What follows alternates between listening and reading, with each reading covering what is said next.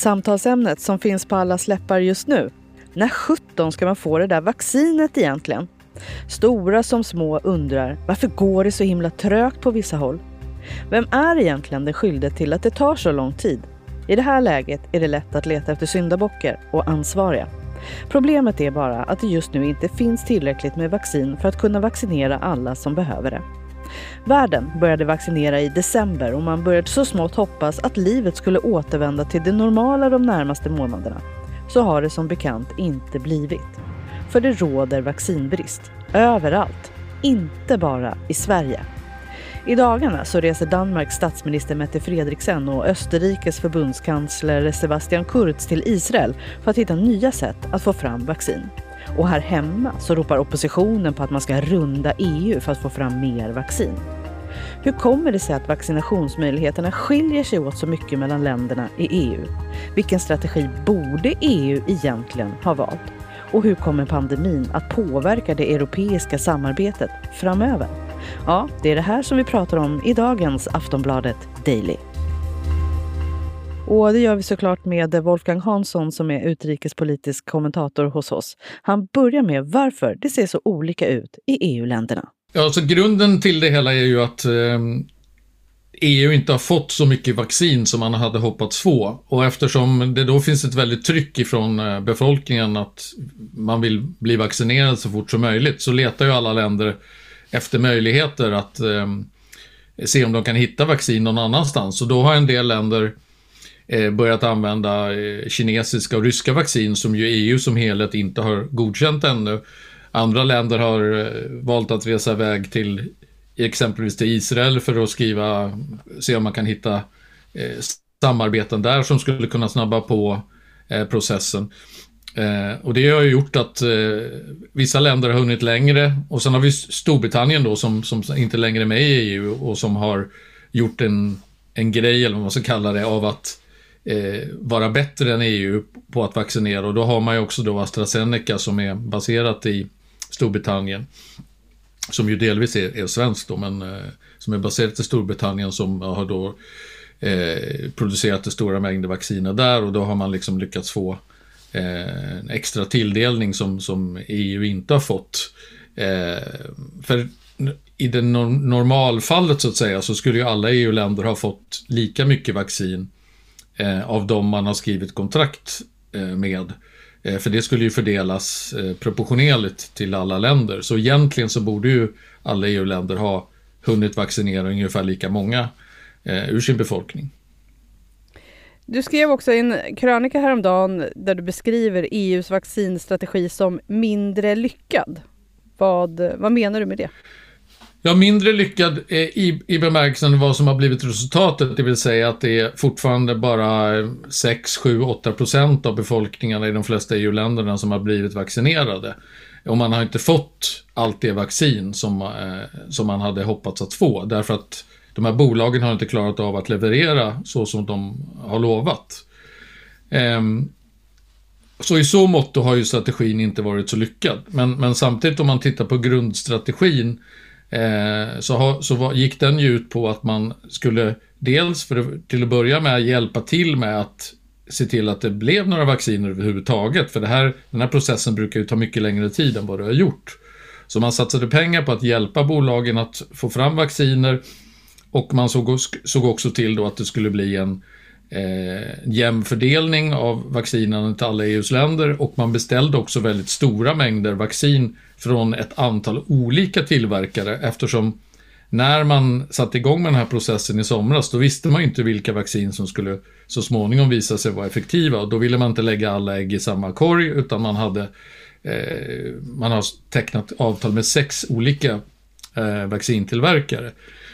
Och i så mått så, så eh, får man väl säga att det ändå var en ganska bra strategi från början. Sen har utfallet inte blivit så som man hade hoppats, men det är ju inte egentligen EUs fel i första hand, utan det är ju de här fabrikanterna som inte har kunnat tillverka vaccin i den takt de har lovat. Den enda eh, kritiken man möjligtvis kan rikta mot EU, det är ju att man inte har eh, varit så snabba med att godkänna vaccinerna. Det har ju både USA och Storbritannien varit snabbare. Eh, men det beror ju på att EU-länderna har varit väldigt oroliga för det här vaccinmotståndet som finns i många länder. Och att om man då tummar på den här processen så har man varit orolig att folk inte ska vilja vaccinera sig överhuvudtaget. Så att det där har ju varit en, en trade-off kan man säga. Mm, hade EU kunnat göra på något annat sätt? Jag har svårt att, att se det. Det är klart att man skulle kunna, man skulle kunna godkänt vaccinerna snabbare. Man skulle kunna gett ett sånt där nödgodkännande som, som Storbritannien gjorde till exempel Eh, av Pfizers vaccin och också AstraZenecas. Men då hade man ju öppnat sig för den här kritiken att eh, hur kan vi veta att det här vaccinet är säkert och att många människor hade eh, vägrat att ta vaccinet. Ehm, och sen hade det klart att man hade kunnat försöka pressa företagen hårdare att leverera eh, vaccin eh, i snabbare takt. Men det är ju kanske svårt då när Eh, man, man står där i fabriken och så får man problem med att man inte har tillräckligt med ingredienser eller man, har, eh, man får problem i produktionen. Det är ju sånt som händer företag på alla, alla nivåer i, i alla möjliga sammanhang. Och det är ju svårt för länder att, att ingripa då och på något sätt snabba på den här processen tror jag. Ehm, och jag tror i slutändan så är det ändå så att eh, länder som Sverige till exempel hade ju aldrig lyckats förhandla sig till eh, några bättre kontrakt på egen hand än vad man nu gjorde eh, genom EU. Om vi kollar lite runt i världen här. Israel har ju valt en helt egen väg där de får vaccin i utbyte mot personlig data. Tror du att den strategin kommer att kunna bli aktuell för andra länder framöver? Alltså det finns kanske länder som är beredda att eh, ta till det bara för att få vaccin. Lite beroende på nu hur, hur pandemin kommer att utvecklas med olika mutationer och så vidare. Eh, men jag tror att den här israeliska strategin, den var ju framgångsrik i det här initiala skedet därför att man beställde väldigt mycket vaccin och betalade väldigt bra för det väldigt tidigt. Eh, och man satsade på eh, några få tillverkare, varav Pfizer var en då. Och då gick man in i ett avtal och sa att ni, ni får alla våra data om, om de människorna vi vaccinerar. Och det var ju naturligtvis väldigt attraktivt för läkemedelsbolagen att, att då kunna använda Israel lite grann som en testfabrik, en teststation.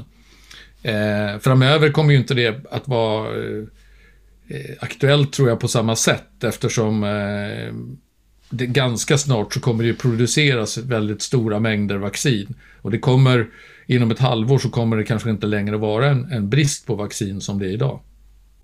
Och precis som du var inne på tidigare så är ju både Danmark och Österrike nu i dagarna ute och reser till just Israel i jakt på flera vaccinleveranser och hitta vägar, nya vägar för till sig vaccin. Vad är den största utmaningen för de övriga EU-länderna vad gäller vaccin just nu? Ja, det är ju att, att få de leveranser som man har blivit lovade.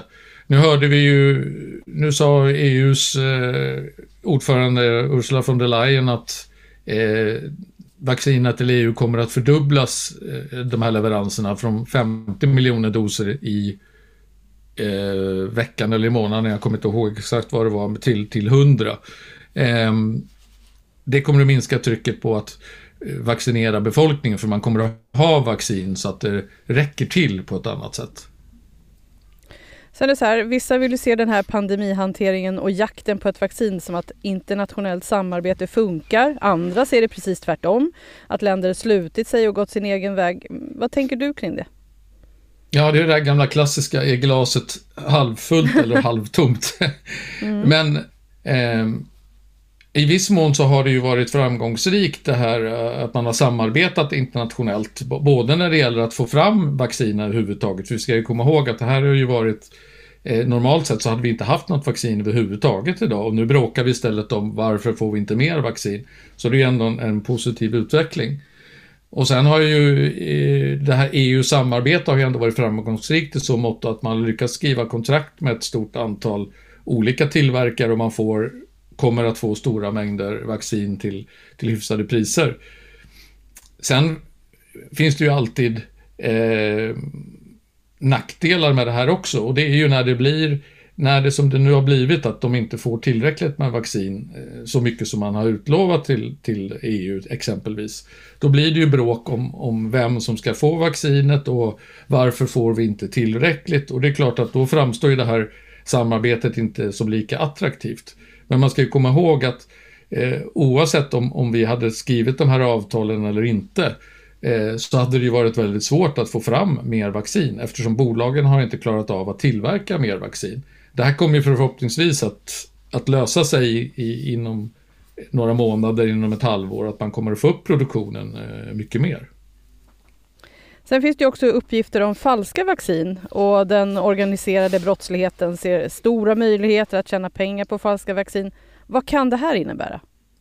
Ja, det är, Interpol varnar ju för det här att man redan har sett, man har redan beslagtagit eh, falska vacciner, eh, covidvacciner. Och, och, det här innebär ju att eh, exempelvis när alla länder nu då eh, desperat letar snabbt efter mer vaccin, då är ju risken att man man vänder sig till källor som man normalt inte brukar gå till eh, för att få det här vaccinet, att man kanske blir lurad och tror att man har fått ett äkta vaccin när man har fått ett, eh, ett falskt vaccin eh, som, inte är, som är helt verkningslöst. Och det kan ju innebära att människor vaccineras med det här vaccinet som inte gör någon som helst nytta, kanske till och med gör skada. Och det är det som är problemet när, när vi försöker konkurrera med varandra om, om att liksom få vaccin i Eh, det, i början på pandemin så var det mycket tal om det här med att vi, ja, vi måste vara solidariska och vi måste se till att alla länder får vaccin. Men när det väl bränner till sen och, och eh, människor dör och då ser ju varje land till sig självt och, och säger att vi, vi måste få just, just vi måste få mer vaccin. Och då är ju, det här utnyttjar ju sådana här krafter då som kan tjäna enorma pengar på att lura länder. Wolfgang, du och jag pratade om hur EU hanterade pandemin för ungefär ett år sedan. Eh, och då hade du också beskrivit det här ungefär som ett tredje världskrig. Så här ett år senare, hur tycker du att EU har hanterat pandemin? Ja, det har ju, det har ju blivit lite av ett tredje världskrig i den bemärkelsen att eh, eh det, världen har ju inte stått inför en sån här omfattande kris, eh, tror jag eller Jag kan inte komma på någonting annat sen, sen andra världskriget. Så även om inte folk dör av kulor så dör folk istället eh, av den här pandemin och vi har ju eh, över två miljoner människor som har dött eh, i världen så här långt eh, av den här. Ehm, det är ju en enormt svår situation när den här virus dyker upp på kort tid. Eh, Länderna försöker skydda sig. Man har valt lite olika strategier. En del har stängt ner väldigt mycket. Andra har valt som Sverige att vara lite mer öppna. Eh, förutom ett fåtal länder som har lyckats eh, väldigt bra genom att man väldigt resolut eh, tog itu med det väldigt snabbt i, i början. Så har ju de flesta länder lyckats i sådär. Jag menar, man har eh, klarat sjukvården, vilket ju sades vara en av de främsta eh, målen liksom att eh, se till att sjukvården inte kollapsar. Men man har ju samtidigt eh, drabbats av väldigt mycket dödsfall och väldigt mycket sjukdomsfall. Eh, så att jag tror inte det är särskilt många länder som är nöjda med sin hantering, men samtidigt har det inte heller blivit en, en total katastrof där vi har fått se hur sjukvården kollapsar. Eh, och, och vi, vi, vi, även om livet inte är normalt på långa vägar så är det ju ändå någon slags normalitet. Mycket fortsätter ju trots allt eh, nästan som vanligt i alla fall. Och Wolfgang, vad tror du, hur, hur blir relationerna inom EU? Hur kommer de se ut när den mer akuta fasen av pandemin är över? Ja, alltså så länge det inte blir ännu mycket mer bråk om vaccin och annat och gränser och sånt så, så tror jag väl ändå att eh, när dammet väl har lagt sig sen så småningom om, om något år eller två eller vad det nu kan vara eh, så tror jag väl ändå att man eh, att det, relationen kommer att vara hyfsat goda mellan länderna. Men det är klart att för varje sån här kris så blir ju så minskar ju tilliten lite grann. Att man inser att eh, man har, det finns en massa avtal och regler som man ska hålla sig till men när det väl kommer till kritan och länderna eh, känner sig hotade, då agerar man liksom på egen hand utifrån sina egna intressen. Ehm, och det, det tror jag många kommer att komma ihåg när den här pandemin är över. Sist här hörde vi Wolfgang Hansson som är utrikespolitisk kommentator här på Aftonbladet. Jag heter Jenny Ågren och du har lyssnat på Aftonbladet Daily. Du hittar nya avsnitt i din poddspelare varje vardagsmorgon. Vi hörs snart igen. Hej då! Du har lyssnat på en podcast från Aftonbladet. Ansvarig utgivare är Lena K Samuelsson.